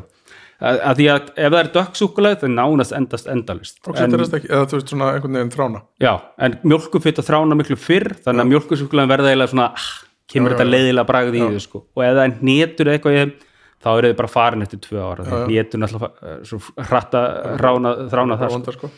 mér svo fyndið sko þegar maður er að smakka gumul nétustykki og ég fæ alltaf eitthvað svona herðu, þetta bræðast þessu eitthvað. og þá hugsa, ég, já, þetta er bara eins og gamla hörsseistykki með hérna nétunum og þá hugsa maður, já, það, það var bara alltaf þránað þá það er bara ógislegt þá bara veistu hvað þránuna bræða allt í henni er. Bara, þetta er eitthvað sem maður átt alltaf sem krakki bara. og bara, eh, mann fannst þetta ekkert mál. En svo þú lærir svona hvað er í skrefanum sem er að gerast þá svona, ah, hérna, talandi um krakki þú ert frá Vestmannum ekki? Jú ég er fættur í Vestmannum inn í minni fjölskyldu sem fæði þann titill mamma og pappi fluttu þarna kringu 70 fyrir gos, þannig að þau voru bara nýgift og á 20-aldri 30-aldri, já, og bara ung og við byggum, þau byggum þess að samtals ég í 15 ár, ég 8 Já, ok. og alast upp í Vestmannum bara algjör paradís þetta er náttúrulega bara svo mikið lægundir að heimur já, já. Og við þykir rosalega væntu Vestmannum og við þetta náttúrulega bara fallið staður í Íslandi. Það er svo fjölbreytt, við erum með tvö eldfjöll og við erum með sjó, Það er það er alls konar til Vestmannum það læsir ekki dýrunum, var bara fyrir út á hjólinu það var, ekki til þegar ég var krakki sko, það var ekkert svoleiðis. Og bara, það var alltaf matur í hátteginu og, og svoleiðis. En Vestmannir er bara frábær staður alast upp sem krakki sko. Og fluttur svo dregja ykkur eða Nei, við vorum með smá faralsvæti við fórum fyrst upp á Skaga endaði svo í Mosó í smótund, Kalanes og svo loksins Reykjavíkur þannig að það var svona smá ferðalega á okkur. En svona ég, svona hjartað er einhvern veginn en þá eftir í Vestmannum Í- já það, þú alveg skilgarnir þessi Vestmann Það sé ekki eitthvað svona nostalgía sem krakki þegar maður kemur hérna og mann maður eftir öllum göttunum og hvar maður lék sér og hver átti hvaða dót þegar maður lappa frá mjög húsi. Ég man alltaf eftir því sko, ég man eitthvað svona eitthvað vinur sem átti, já hann átti svona Playmo hérna slökkulistöðina og þessi átti þetta, ég, man, ég veit ekki okkur ég man þetta, wow, er bara hvaða dót er áttu, Já, það, ok. þannig valdi ég leik vinur mínur. frábært. Já, bara hver, hver áttu besta dótið? Já, eða hvers konar? Það, þessi átti hímenkastalan og það er alltaf svona minningar sem maður man alltaf eftir. En svo er maður alltaf búin að búi hérna í Reykjavík mest allir sinna æfið þannig og með smá stopp í Luxemburg var í Nóri í Svíþjóð líka að vinna sem kokkur. Já, ok, ykkur tvö ár svona samtals. Það var ágætist tími.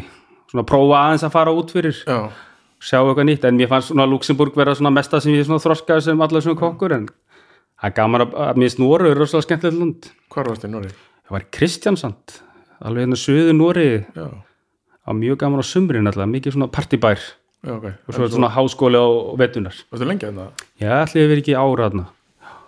Það var ágætt. Nóri hefur ennefnilega svona nett óþálandi sko. en samt er allt eitthvað svo fullkom Varstu ekki búin að skipta skoðun eftir jú, búin að, jú, ég var svolítið búin að skipta skoðun með Nóri en það er samt það er eitthvað svona hvað allt er fullkomið sem er svona nett óþálandi sko. núna voru þeir til dæmis bara að hérna, vinna Bókus Europe bara í gæð sko. og, það er eitthvað bara að segja, já ok, þetta gera það bara. Já, það er náttúrulega bara að þeir eru búin að leggja rosalega mikla vinnu í þetta þú veist, öll þessi ár, menn þetta er ekki tilviljun að þeir eru alltaf hann á toppnum. Nei, nei, og markvist bara búið að leggja bara stjórnvald búin að leggja hellingi í restaurantbransan nákvæmlega. Og Það- í gegn bara í, og búa til einhvers konar svona matarferðamennsku bara markvist Einmitt. þetta er ekki bara lags í Nóri Nei, ég satt einhvern tíma einhvern fyrirlestur um, um fyrirtæki sem að hérna, býr til rækjur. Já, og bara hvernig það var allt í hennu tekið bara og markvist búið til eitthvað svona nost rækjubrand og fjórfalda verðið og öllum fast að þetta er sömu rækjur já, það er bara búið að branda þér eitthvað upp og þá er þetta allt í hennu bara lúksisvarum allan heim sko. það er kraftur markasetningarnar já, hann getur verið rosalegur. Ótrúlegt sko. Margt hérna sem við getum verið að gera betur sjálf sko, já, mikið. Já einmitt, ég ég er svolítið sammál því. Og það má alveg taka betur út um fyrir utan, fyrir utan COVID þá finnst mér að mætti alveg lifta svolítið taka betur utan um veitingastæði sko. nákvæmlega, já, það er náttúrulega alveg hluti sem að menn gleyma svolítið þegar við förum út í það sko það, Já. það, hvað er raun og veru, hvað veitingahús er í raun og veru maður er náttúrulega svolítið leiðilegt í þessu COVID ástæð að lesa svo mikið aðtöða semtu þegar að byrtast fréttur um að það er að stiðja að þetta, það er að stiðja þessa ég veit á, veistu hvað mér finnst leðilegast hvað? ég er orðin svo leiðilegur á samfélagsmiðlum Ertu fann að finna loksins kommentara nýður? bara hundleiðilegur á Twitter, það er óþjólandi sko. nei, en að, þú veist, ég, mér finnst bara að mig þú veist, eins og, eins og ég held að þú fara alltaf að segja að hérna ekki gleyma því að þetta er bara svo stórpartur af menningunni og þetta er svo stórpartur af því sem við erum að selja túristur sem kominga Matur er menning og það er eitthvað svona eitthvað sem finnst svona leiðilegt eða astnalegt eða ég veit ekki hvað ég segi þurfa alltaf að vera að hamra á að matur er menning, hann er, hann er lágmenning og hann er hámenning sko. þannig að þú fer hérna laugavegin, þú finnur allt saman þú finnur dill og svo finnur skilu, við fullir virðingu fyrir þessum skyndabitabúlum en, þú en það er menning Já, sjálfum sér líka. gríska húsið, Gríska bara húsið. vil alls ekki að fari Nákvæmlega, Mandís, ég meina þetta er bara veist, þetta er orðið svona culture institution í íslenskri veitingasögu bara strax. Já. en það fara maður líka frábæra þjónustur og frábæra mat. Já. Sjátt á þetta Mandi Já, 100% það er bara, ég held að þeir eru reynda sniðu sko, þeir segja að við alla hello my friend. Það er bara svo gott í það sko.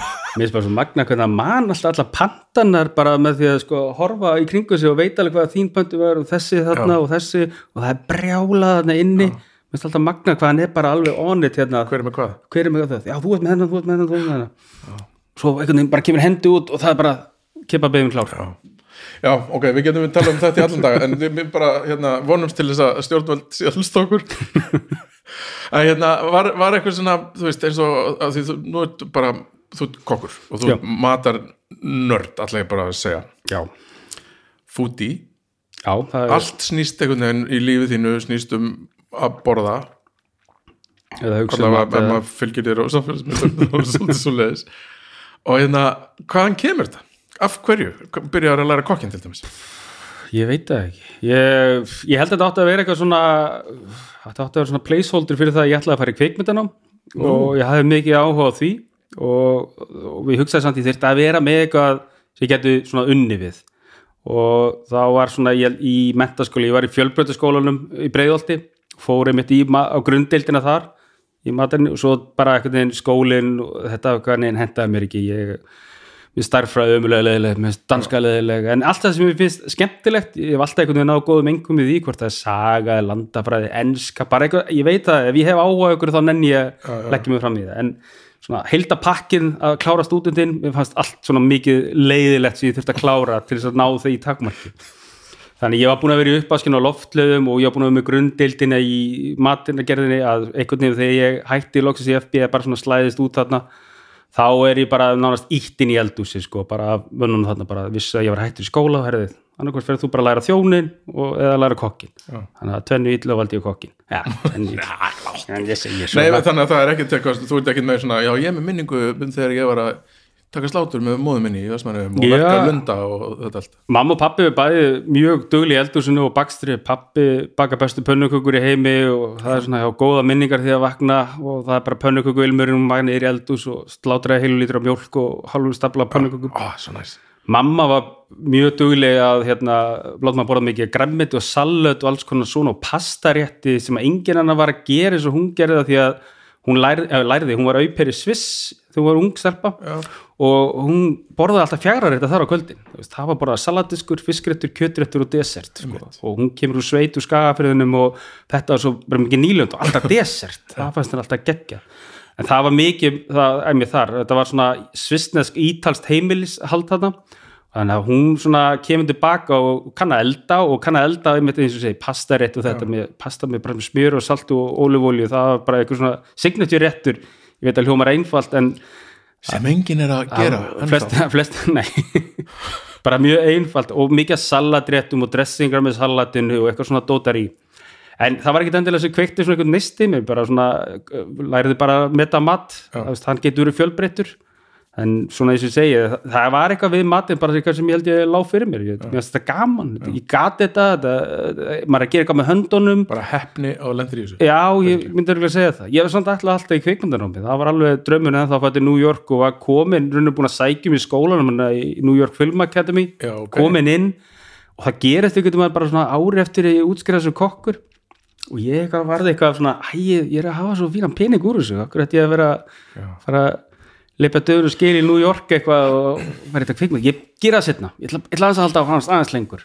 Þannig að það, og svo einhvern veginn fór þetta að taka eitthvað svona meiri fótfestu í manni að vilja ná lengra í þessu og bara, maður hafði gaman að þessu. Akkur er Pff, af hverju, hvað, það er ímislegt ég meina ég er hrifin alls bókum sögum kvikmyndum alltaf bara yfir höfuð. Ég elska kvikmyndir ég elska myndasögur ég elska svona sagfræði ég veit ekki, þetta er bara heillandi afþreyinga miðl en mér fannst þess að ég geti eitthvað gert hana ég held að svona omnám sé svona vissuleiti svona pínleiti útrásin mín í kvikmyndagerð að vissuleiti að reyna að búa til kannski eitthvað svona heim.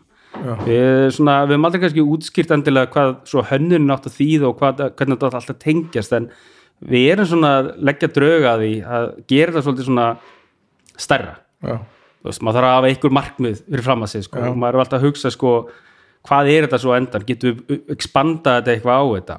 Og svona tenginginu milli umbúðana og súkulaðisins mér finnst þessum að ég geti gert eitthvað meira og nota þetta sem eitthvað svona í framtíðinni, ég, ég er ekki að segja kannski fyrir að búið teiknumyndir í framtíðinni úr inspired af þessu sem við erum að gera núna en hugsalega, why not? Það er þetta að vinna með. Það er þetta, já, það er þetta að gera leiðilega hluti. Ég er að pæla sko hvort við eigum að gera smá hlið já, og fá hérna smá frá sponsorinu sko já,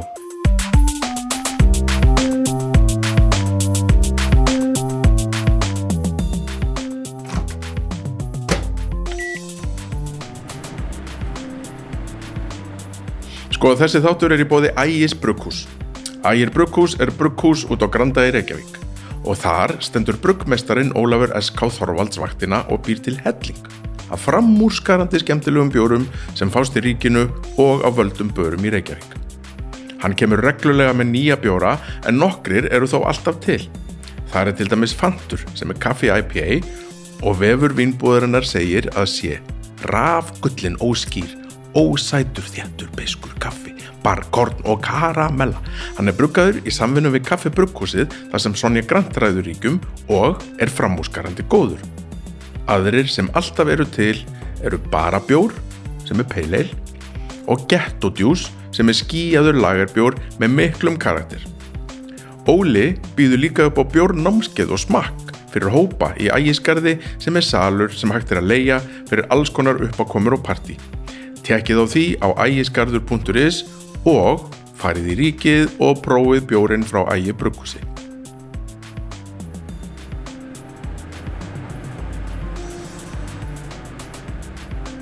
Þessi þáttur er líka í bóði vínstúkunar 10 sopa. Vínstúkan 10 sopar er kósi lítill vínbar í hjarta Reykjavíkur. Nánar tiltekið í kjallaranum við lauga við 27. Á vínstúkunni 10 sopum er mest úrval náttúrvína af öllum veitingahúsum á landinu. En það er líka hellingur af því sem gæti kallast hefðbundnar í vín. Sem sagt mjög fjölbreyttur vínseðil þar sem áhersla er á smáframleiðendur og fjölskyldufyrirtæki.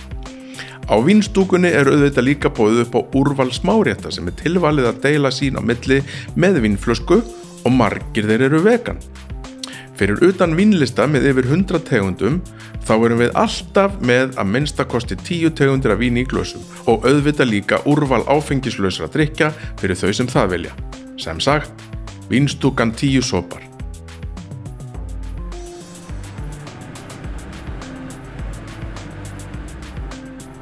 Þessi þáttur er auðvitað líka í bóði hljóðkirkjunar sem býður upp á korki meiran í minna en 6 fram úr skarandi hlaðvörp. Ítt nýtt á dag, alla virkadaga, nema förstu daga sem býður upp á 2. Á mánudögum er domstagur, Á þriðjudögum kemur svo kokkaflækið ykkar, á miðvíkudögum draugar fortíðar, á fimmtudögum tala snæbjörn við fólk og á föstudögum besta platan og svo glæni viðbót við hljóðkirkjuna spurningaþátturinn Nei hættu nú alveg. Þú getur hlustað á hljóðkirkjuna á öllum helstu hlaðvarpsveitum heims. Og þá snúum við okkur aftur að spjallin okkar kjartans.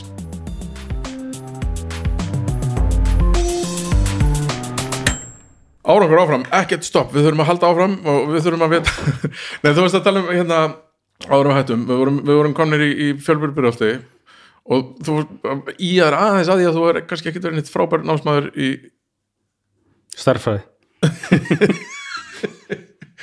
Já, að ég held það að er sé með einhver svona talna blindu já, það? Já ég, ég þarf ofta að setja svona þegar skrifa ómörg 0, ég þótt að setja svona puttan yfir bara sjá er búin að skrifa mörg 0 En hvernig virka það þegar þú í svona nákvæmnis hérna, eins og, veist, þetta er bara basically svona einhver rannsóknarstofu vinna sem þú ert oft í, einhver svona þróanu vinni í súkulega, er ekki? þetta er mikið svona prósenduregningur svona, þetta kallast bakara prósendu þegar ofta er maður að vinna öskrifti sko, bara þess að sjá hvernig hlutvöldin verða á endanum ég er með skemmtilegt app sem hjálpaði mér með Já, ok.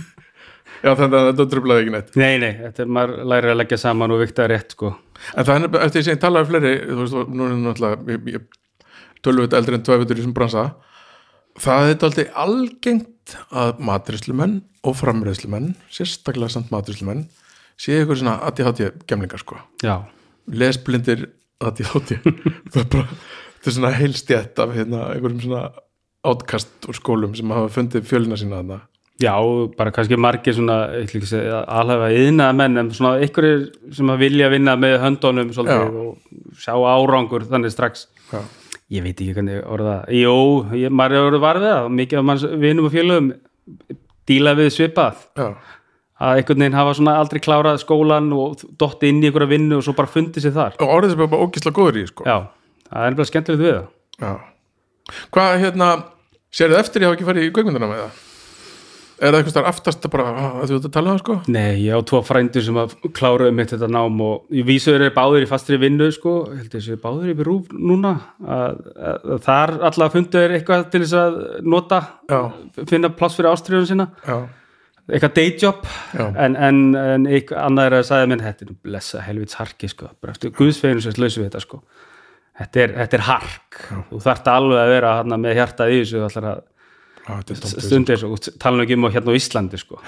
þetta, allir er með ykkur svona Hollywood drauma og, og meika það en þetta er hark, veit maður. Já, einmitt og fólk er að búa til einhverjar, hérna, einhverjar myndir og, og heimildamyndir og eitthvað og, en skemmtileg náttúrulega líka náttúrulega bara hvað þetta er búið að breyta samt svo þessi kveikmyndaheimur, við tölum við það bara með tilkomið Netflix og þetta að bara það er miklu meira efnið verið að framlega núna, maður heyrir bara eins og Netflix þeir segja bara já öllu, þeir þurfa bara að fylla inn í 29 þætti hverju viku nána sko, þannig að þetta hefur örugglega breyst rosalega mikið, svo náttúrulega hvernig YouTube hefur orðið og það er margir svona sem er að búa til sitt eigið efni. Þannig að þú ert svona pínulítið að fara í þetta, sko ég hef aldrei gert eitthvað svona YouTube rásan. það er eitthvað sem það væri gaman að prófa. Sem tölum við þessum, hérna við erum búin að fara alltaf í gegnum með súkulega, mér finnst það bara við getum talað um súkulega, ég held að fólk væri til í að hlusta á fjögra tíma þátt þar sem við verðum að tala um súkulega Já, það er kannski pæling fyrir podcast. Ég held það sko, bara ekkert náma súkulega hérna ísbúð Ís, já, nú er þetta nýbúin, nýbúin að opna ísbúð. Já. Ég er reyndar ekki búin að koma, mér finnst það ég skammast mín smá fyrir það sko það er alltaf, þú kemur. Ég þurfti að hoppa akkurat bara núna frá henni til þess að droppa hinga við. Ok. Það er akkurat opið núna niður frá. Uh, Það var raun og verið svona eldri draumur en súkulega nokkuð tíma. Ég held ég að miklu mér áhuga á ís en súkulega þannig sé bara ís með dífu, svona einhver fantasi hjá mér sem ég langaði að gera.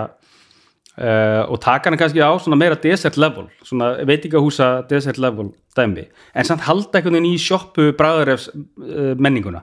Einhver sagði mér sem fór hana þetta er bræðaröfu fyrir fullotna Já, já, það, það er bara nákvæmlega svona taklæðinni sem var, ég var svona einhvern veginn að vinna með, að reyna að búa til einhver svona bragðarefi en samt afa það og kannski aðeins meiri svona vinnulagt í þá, ekki bara skella öllu í dallin og Já. beint í hérna shakevelin og haka allt saman.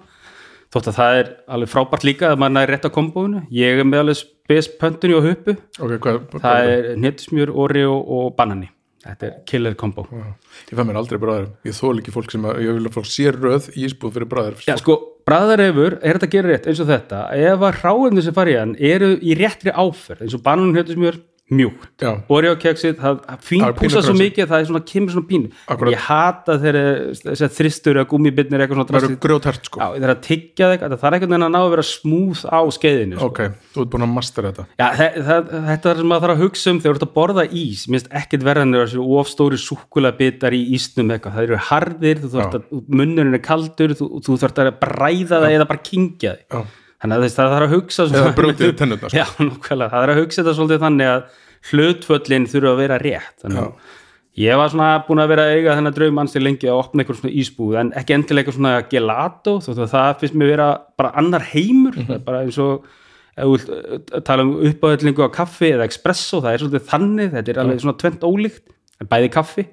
En gelato eins og segi, það er frábært og ég er rosalega ánað með gelato búðinu sem var að opna hérna fyrir sumar. Þetta er í annarskipti í þessum þáttum sem eru sjátt á hann sko. Já, Geggjur, þetta, sko. algjörð eru, hann er að gera frábær hluti hérna Michel, nei Mikael fyrir ekki, ætlaði að segja, hann heiti það? Hann ítar sko ekki? Hann ítalskur Já. og hann Þeir er búin að vera notað omnám í ísin hjá sér líka og er að gera frábæra bræðtöðundur en soft serve svona menningin er eitthvað sem er svona líkara sem við hérna á Íslandi já, þekkjum svona eða bara- sjoppu ís já, ís úr vél eins og við segjum Já, já, sko. já. mér vantar þetta mjúk ís er ekki sama orðið, soft Nei. að vita allir hvað amerísku er en ís úr vél soft ice, heitir þetta á dönsku já, soft ís soft ice á dönsku er það soft ice? Já.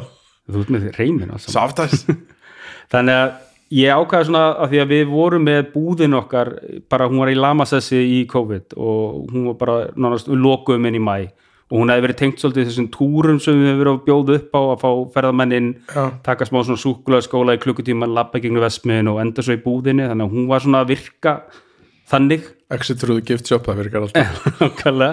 Og já, hann hefur þetta heita það. Og hérna, þegar það svona eins og ég lokast, þá stóð hún annars bara auð og það var engin Íslendingar að koma það var engin að koma, þannig að við ákveðum svona, þarna væri nú að rétta tímapunkturinn að breytin í ísbúð. Og við vorum búin að kaupa okkur að tvær svona soft uh, ísvélar frá Ólís og ég var búin að eiga það hérna lager í tvö ár. Já, ok, ég var bara eitthvað búin að leika eitthvað með þeim svo bara var aldrei tími til þess að nota þér í eitthvað þannig að það var bara aðeins tekið smá fiff á búðinni áttum borð þarna sem við komum sett fram. Þannig að þetta er rosalega þið komið að nýra þetta, þetta er rosalega svona heima, heimalagað einhvern veginn, þetta er bara mæja hérna listamaður kom og sku- skuttlaði einhverju listaverkum í gluggan og þetta var bara svona pínu punk feelingur yfir þessu og er þannig ennþá og ég fílaði bara svolítið, við gerum þetta úr engu og svo að fara bara í að búa til allt svona kurli, ráumni, gúmi, sigupúðan allt þetta eru dót er- ísblöndurinn líka? Nei, það er eina sem ég er ekki að gera. Og það er ástæðan bara fyrir því lélegt, lélegt svolítið. Ég veit, þetta er kannski ekki alveg svona ég, ég, ég veit að innstinn í svona mínu ég þarf að gera allt sjálfur frá grunni í hjartanu er þetta, þetta þetta er ekki að trubla mér rosalega en bara því ég hafði ekki plássið í að búa það til. Að því að, að búa til svona ísblöndur það tekur að svo rosalega mikið svona og að því að framleyslan er þannig stilt upp að við getum ekki blandað þeirri framleyslu inn með nei. eins og er þá er ég að kaupa blönduna bara tilbúinur frá kjöris eins og núna. Og hún nýtist bara mér líka sem grunnurinn fyrir allt annað sem kemur ofan á. Já, já, svo er líka kannski bara allt í lagi þegar einhver er búin að búa til eitthvað sem er gott. Að nota það bara. Já, ég meina þetta virkar og þetta er fínn ís og bara, þú veist, raun að vera bara hendi hvort ég valdi kjöris eða MSIs eða var annarkvort bara, það var eitthvað bræðið sem ég fílaði betri hinn en það er svo sem hefði getur hvað sem er en hugmyndi verður svo með tímanum að ég fara að framlega hann sjálfur líka og fara kannski aðeins að experimenta með, ég er búin að vera að experimenta með hann bara, bara að laga blöndun eitthvað já, aðeins að fykta í þessu og sjá hvernig það kemur út. En þetta er alltaf svona koncept sem er mjög skemmtilegt að vinna með núna og það eru fleiri hlutur sem við erum að vinna með í því og þetta er kannski skemmtilegt að gera þetta einmitt á þessum tíma að maður hefur tíma til þess að einbætti sér einhver svona nýju verkefni uh, framleyslan gengur rosalega vel þessa dagana og við erum með frábært teimi þetta niður frá sem er bara uh, vinnað sér sokkana, það hvað maður að segja. Já, uh, og bara það gengur rosalega vel þannig að maður hefur tíma í eitthvað svona nýja vöru þróun og líka er þetta svona kannski svona meira outlet fyrir svona sköpunni mér að geta gert eitthvað svona og bara verið með að tilbúið eftir viku. Og get bara sett á ísælinni með langar.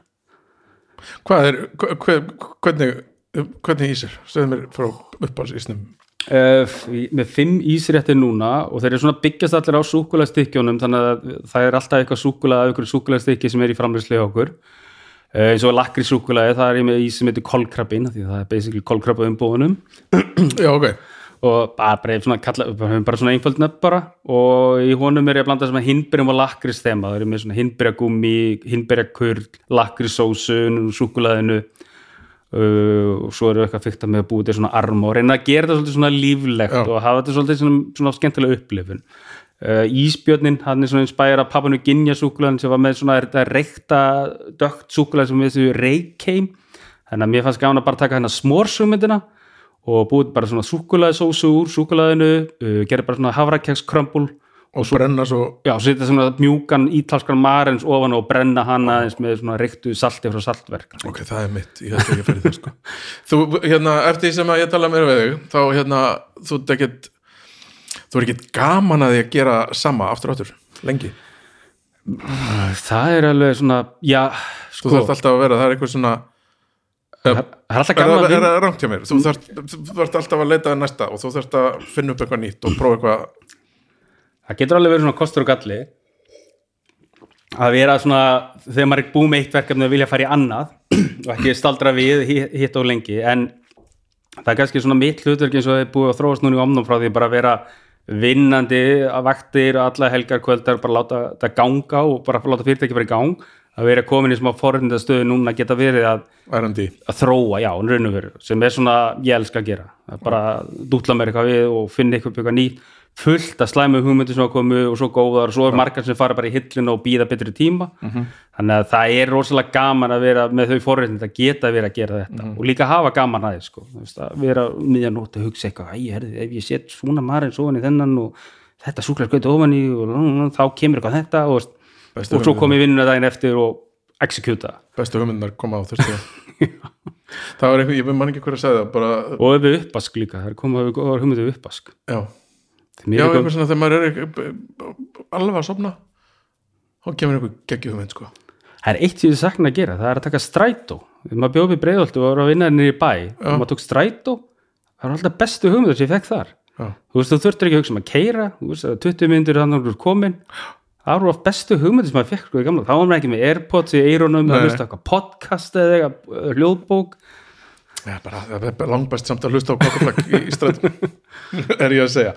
Já þannig að það er ekki þú, þú, veit, það, þetta er ekki af einhverju svona ó, ég nenni ekki að vera að gera sama aftur aftur. Heldur bara af því að þú Nei, ég veist, ekkert endilega það en maður er svona ofta að tvíka það sem maður var þegar búin að gera sko. Aðeins að tvíka þetta hérna, aðeins að hérna, fikta í þessu hérna, laga þetta, æ, það er aðeins að laga eða svo er bara best eins og í mörgu bara, þetta er komið, láttu að vera þetta er bara komið. En þú, það sem ég er að leita eftir kannski er, þú veist gætur staðið á verksmiðugólfi og framleitt sama súkulaði í tíu ár? Já, ég gæti alveg örgulega gert ef ég hef sömu ástriðuna fyrir því sko, maður finnur það, jú, jú, ég skil alveg hvað að minna þetta er að fara gegnum sama prósessin aftur og aftur og þú veist eins og allir svona góðir yðnamenn, maður verður betri. Maður verður alltaf betri og betri og fín púsar hlutinu og allt þannig. Og jú, ef maður hefur ástriðuna fyrir því þá náttúrulega nýtum maður þess. Og vissuleiti er maður að gera það en uh, kannski bara meðan maður hefur ennþá svona orku ástriðu til þess að prófa áfram nýja hluti það, það mér gaman, þá er ég ekki alveg búin að gefast upp á þessu.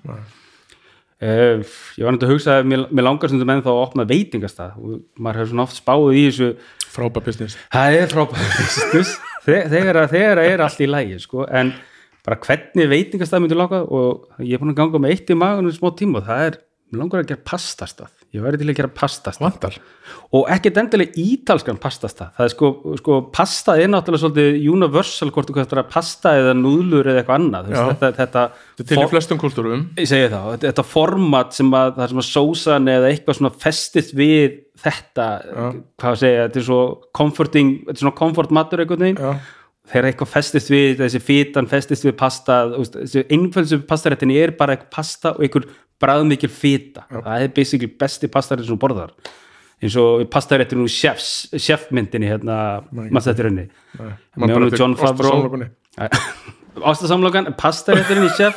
Ég mæla með þessum ekki séð bara farið, þið eru bara að fara á YouTube og skrifa bara pasta dish from chef hann heitir eitthvað, þetta er bara hvítlökspasta með steinsilju. Já. stektu hvítlökur, pasta út í pönnuna smá pasta vatn og og steinsiljan yfir búið. Uppáldið mitt er hérna pasta al bebbe pasta beppe, já, það er bara með svört pipur já, já, kannski á petvi já, bara ekkert nema Nákvæmlega. smá parmesan. Er ekki smá, að smá parma og smá pastavat Já. þannig að það, það kemur þetta rétt að þykka Já. nákvæmlega. Það, er, þetta er eitthvað sem er þetta að leika sér svo endalega með og svo eitthvað besta sem ég fengið var þessu noggi en það er náttúrulega teknilega pasta. Ég fekk þetta í Los Angeles núna fyrir árunu bara rétt á hana skalla á COVID. Það var bara það var sér noggi og svo kom merkbein og því að skuttlaði yfir öllu merknum og svo svona stappa við steinsilja, búið. Það er tröfla, bara hafa geggja þetta vantar, förum í þetta bara. Nei, þetta það er hérna, þetta vantar þetta vantar. Og við höfum ekki í okkar kultúr einhver svona pasta ást sem að er bara skvellet vegna að við erum ekki alveg upp þetta. Þetta er ekki, þetta er ekki í okkar DNA pasta. Nei, en sem samt, það allir vita allir hvað þetta er. Þetta er rosalega accessible matur. Við vita allir hvernig á að borða þetta. Já, þannig Ertu á matatips eða? Ég er á mattips, já, Ok, það er uppbóls síðan minn í öllum heiminum já. Minnst hún, ég elska hana, en þegar maður sér pasta uppskriftir þar, þá eru allar pasta uppskriftir með svona 30 hráfnum uh, piparosti, mexikosti og rjóma, já. Bara allt. Sem eru auðvitað bara góður gildar auðskutir en þetta, þetta er bara svo einfalt þannig sé. En já, við köllum eftir því hér. Við þurfum að fá alveg pastasta. Já, til ég, ég til ég uh, Hvað ætla ég að spurja, hvað eigum við eftir að fara yfir? Við eigum eftir að fara yfir hérna bara hvar þú stendur í dag, hérna fjölskyldu og Nei, ég er bara barslaus og í sambandi við þessu Nó, en, já, já. þannig að það er allavega eitthvað en nei, þetta hefur kannski verið svolítið svona tímum minni mikið fari í þessa vinnu og Já. Bara leifta stundu það stundu stundu golf á sömurinn það er svona helsta útivistin sem ég fengið hingað til. Alveg, já, það getur hérna spranga eða, nei, það, það fór það þú verður ekki að fara í veiðina svo komið Nei, ég hef unnið bara náttúrulega öðru ykkur veiðhúsi en landinu, ég elskar hann kultúr sem sem var, ég minnst ógeðslega gaman að vinna í veiðhúsi maður er að sitja með gætunum á kvöldin og gestum og svona spjalla og þegar þeir byrja að tala um flugur þá svona, æ, ok, það er svona kjúið mitt að fara sko, en, en svona ég elskar hann að veiðu kultúr, ég skil, ég vísu jú, ég fyrir að veiða skotveiði Er það? Já, ég verið í skotveiðin aðeins, aðeins svona rjúpunni og ég er ekkert mikill veiðumæður, ég minnst eiginlega skemmtilega svona að koma inn í skála og fá sér inn á tónik og tala hvað marga, fuglar sluppu frá mér en, en það skiptir ekki máli, það var útivistinn Það er útvist, já þannig að svona, jú, maður reynir að finna sér ykkur áhugamál á milli en þetta er oft búið að taka svona mesta tíma frá manni. Það er samt ef maður er að vinna við það sem maður hefur áhuga á Já. þarf maður þá að vera með áhugamál? Nei, en það er svona ágætt að eiga eitthvað svona til að dreifa huganum. Það heita frístundir. Já, og ef maður á ekki frístundir okkur þá að, að skilur nákvæmlega. En það er svona, ég saknar rosalega mikið frá tónleika eins og verð Já, ég líka. Við bara, ég man ekki hvernig ég fór að síðast tónleika. Nei. Það er bara minnst, tónlist, fara tónleika þetta, minnst það er alltaf rosalega gaman. Leikús, jú. Það er líka annað. Það er kultúrin, okkur vantar hann. Við þurfum að fá hann bara tilbaka já, þetta er eitthvað, ég, ég ekki sem fer í bíó held ég bara sinni í februar eitthvað. Þetta veist, bara það að fara í bíó sko, maður manni hvernig það er sko. Það, nú fær maður bara nýja myndi frumsýndar á Netflix eða iTunes. Þetta er að vera, já, svo eru reyndar svo leiðilega myndir. Já. allt eitthvað Avengers rugl það er eitthvað verið þannig já, það er ekki lengur þess að svona mér er eitthvað svona einfalda Mel Gibson krimmamyndi sko, sem að fór í Ekki, þetta- bíó til þess að horfa á sko. Allt eitthvað svona ofréttu rugl já, Kannski er ég, ok, ég, ég veit að þetta hljómar alveg sjúkla miðaldra sko, en þetta þetta er svona sko maður er ekki séð svona, svona wow moment fight club mynd eitthvað í bíó bara sem ég mann eftir mér Nei. Er hérna omnáma að fara að stækka?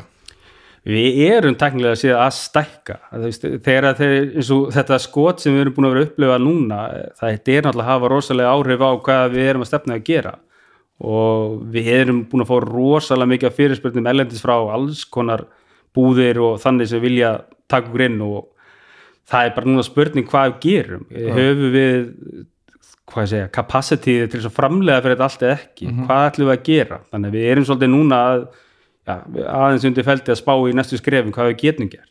Að það eru rosalega miklu möguleikar og ég, þessi sakka eftir á þáttum að bara finnst þess að fara að finnst að segja svona klísa hvað þetta er breytt miklu en þetta er bara þetta er búið að breyta og veru, myndi ég segja. Og við bara sjáum fram á miklu fyrir möguleika við gátum nokkuð tíma ímyndu okkur.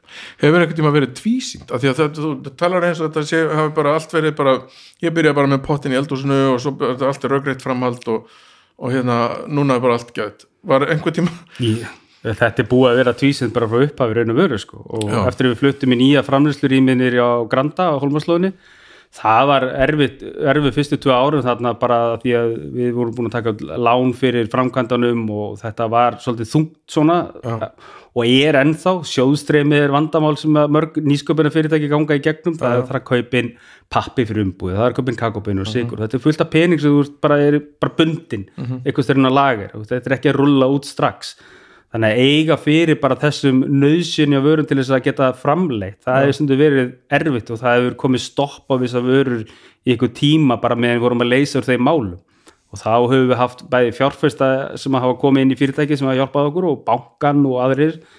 Þannig að þetta hefur oft verið svolítið svona þungt á þýleiti áriði fyrra var eiginlega meta árið okkar þannig að þegar við byrjum þetta 2020 ár þá voru við, þá var eiginlega framtíðin nokkuð björt fyrir okkur, þannig að þetta er eiginlega búið að fara svona upp og niður. Rússipanni. Algjör, bara að allt hafi stoppað hérna bara hjá okkur í apríl, mæ og svo farið að rokið á stað aftur fyrir bara fyrir þrjá mánuðu síðan. Þannig að maður far svolítið svona að standa tilbaka og hugsa ok, er þetta að fara að endast eða veist, hvað er að fara að gerast? Þetta er bara, þetta er erfitt en þetta er gaman og búið að vera það þetta æfintýr í raun og veru. Við erum að verða núna sjö ára núna bara eftir tvær vikur. Já, sjö ára. Ja, tvær vikur, vikanast já. Þess að við erum búin að vera í Þegar þetta kemur út. Já, nákvæmlega, þá hefur við vamalega annan oktober, annan nóvember allir segja, Þetta verður eitthvað svipað, ég held það er Bara til að mikið möguleg já, takk fyrir það. Þannig Og að að gera eitthvað, er eitthvað partíða ég ætla ekki að böku kaka og eitthvað, Súkulega súkulega og kitt kampaðin fyrir staffi og smá bjór. Næs það verður auðvitað eitthvað þannig. Tilbúið ísi í búðinni og segi ég það núna þar ég að vera að standa. Já, þetta er samt sko, það er svolítið þangað til þetta verður hérna fyrir lofti sko, að ég, ég ég verður Þú búin að ræða möguleika á að þetta fyrir gang. Herðu, ég ætla að segja takk fyrir að koma og tala um mig, ógislega gaman. Og bara takk fyrir allt súkulæðið bara takk hella fyrir, þetta var bara frábært. Ég bara, svo það sé á hreinu sko af því að þetta er náttúrulega ekki sjónvarp, þá erum við hérna sex súkulæðstykki og svo hérna, hvað þetta heitir? Hérna, aðvendabóksið aðvenduboksið Já, Þannig sem er ég- komið í sölu akkurat núna þegar við þessi þáttu fyrir loftið. Ég grænist ekki í dag. Takk fyrir mig. Takk fyrir.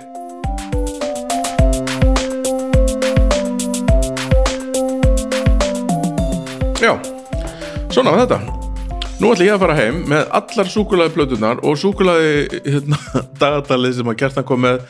Ég ætla að gúfa þessu öllu saman í mig vegna þess að þetta er ógislega gott stöf um, Sko, fyrst þeir eru komin svona langt þá ætla ég að regna með því að eh, þið hafið mögulega einhvað gaman að því að hlusta okkur og þá myndi ég gjarnan þykja að þið myndu kannski smetla á okkur stjörnum á Apple Podcasts og eitthvað, likeum og followum og svona vegna það hjálpar okkur svolítið að komast hérna, já, að vekja meiri aðtikli uh, og áður en ég kveð vil ég líka minna á að hlusta á allt sem hljóðkirkjan hefur upp á bjóða og það er ekkert svo motteri.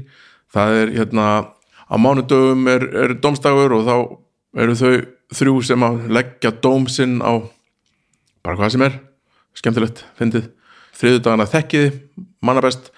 Á miðvöggudögum, draugar fortíðar. Uh, fimmtudögum uh, Snæbjörn tala við fólk já, sem er frábært líka. Og svo á föstudögum er besta platan. Aftur Baldur og Snæbjörn og þeir eru með Arnar Ekkert Tóruðsinn og þeir hérna dæma blöður, bestu blödu einhverja listamanna. Og svo glæn nýjasti liðsmaður hljókirkjunar Vili Naglbyttur með þinn sífinsala þátt, nei hættu nú alveg. En nú ætla ég að hætta alveg og kveðja og hlaka til að koma með nýjan þátt í næstu viku sem að verður ógeðslega skemmtilegur. Takk